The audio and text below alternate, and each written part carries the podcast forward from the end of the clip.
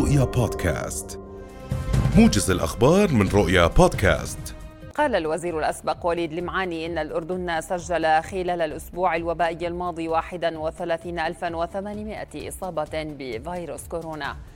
وأضاف في تغريدة على تويتر أن نسبة إيجابية الفحوص قربت 10% فيما اقتربت الحالة النشطة من 60 ألفا مؤكدا ضرورة الدفع باتجاه التطعيم للمقيمين والواردين والوافدين عفوا ومواصلة أساليب الوقاية دعا رئيس غرفة تجارة عمان خليل الحاج توفيق الحكومة للوقوف إلى جانب القطاع التجاري والعمل على تسهيل موضوع التمويل على التجار بسبب المتغيرات العالمية في القطاع.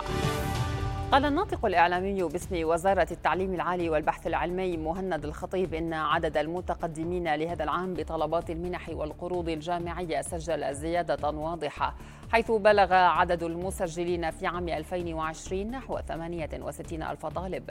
فيما تقدم هذا العام ما يقارب 78 ألف طالب.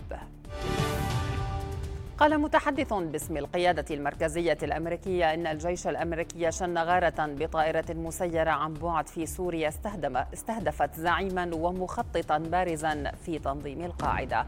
وقال المتحدث إن القوات الأمريكية شنت ضربة بالقرب من إدلب الليلة الماضية وأن المراجعة الأولوية لهذه الضربة تشير إلى احتمالية وقوع إصابات في صفوف المدنيين. يلتقي الرئيس الفرنسي إيمانويل ماكرون اليوم في جدة ولي العهد السعودي الأمير محمد بن سلمان لمناقشة مسألة ضمان الاستقرار في الخليج وكذلك بحث الوضع في لبنان ويقوم ماكرون بجولة سريعة في الخليج إذ سيصل إلى جدة غداة زيارة إلى الإمارات العربية المتحدة وقطر.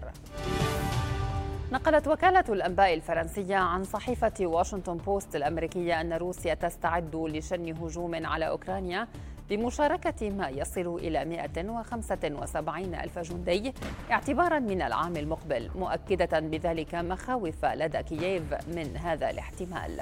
وكان الرئيس الأمريكي جو بايدن قد عزز الضغط على روسيا مؤكدا أنه يعد بمبادرات للدفاع عن أوكرانيا عقب تمركز القوات الروسية بالقرب من الحدود الأوكرانية.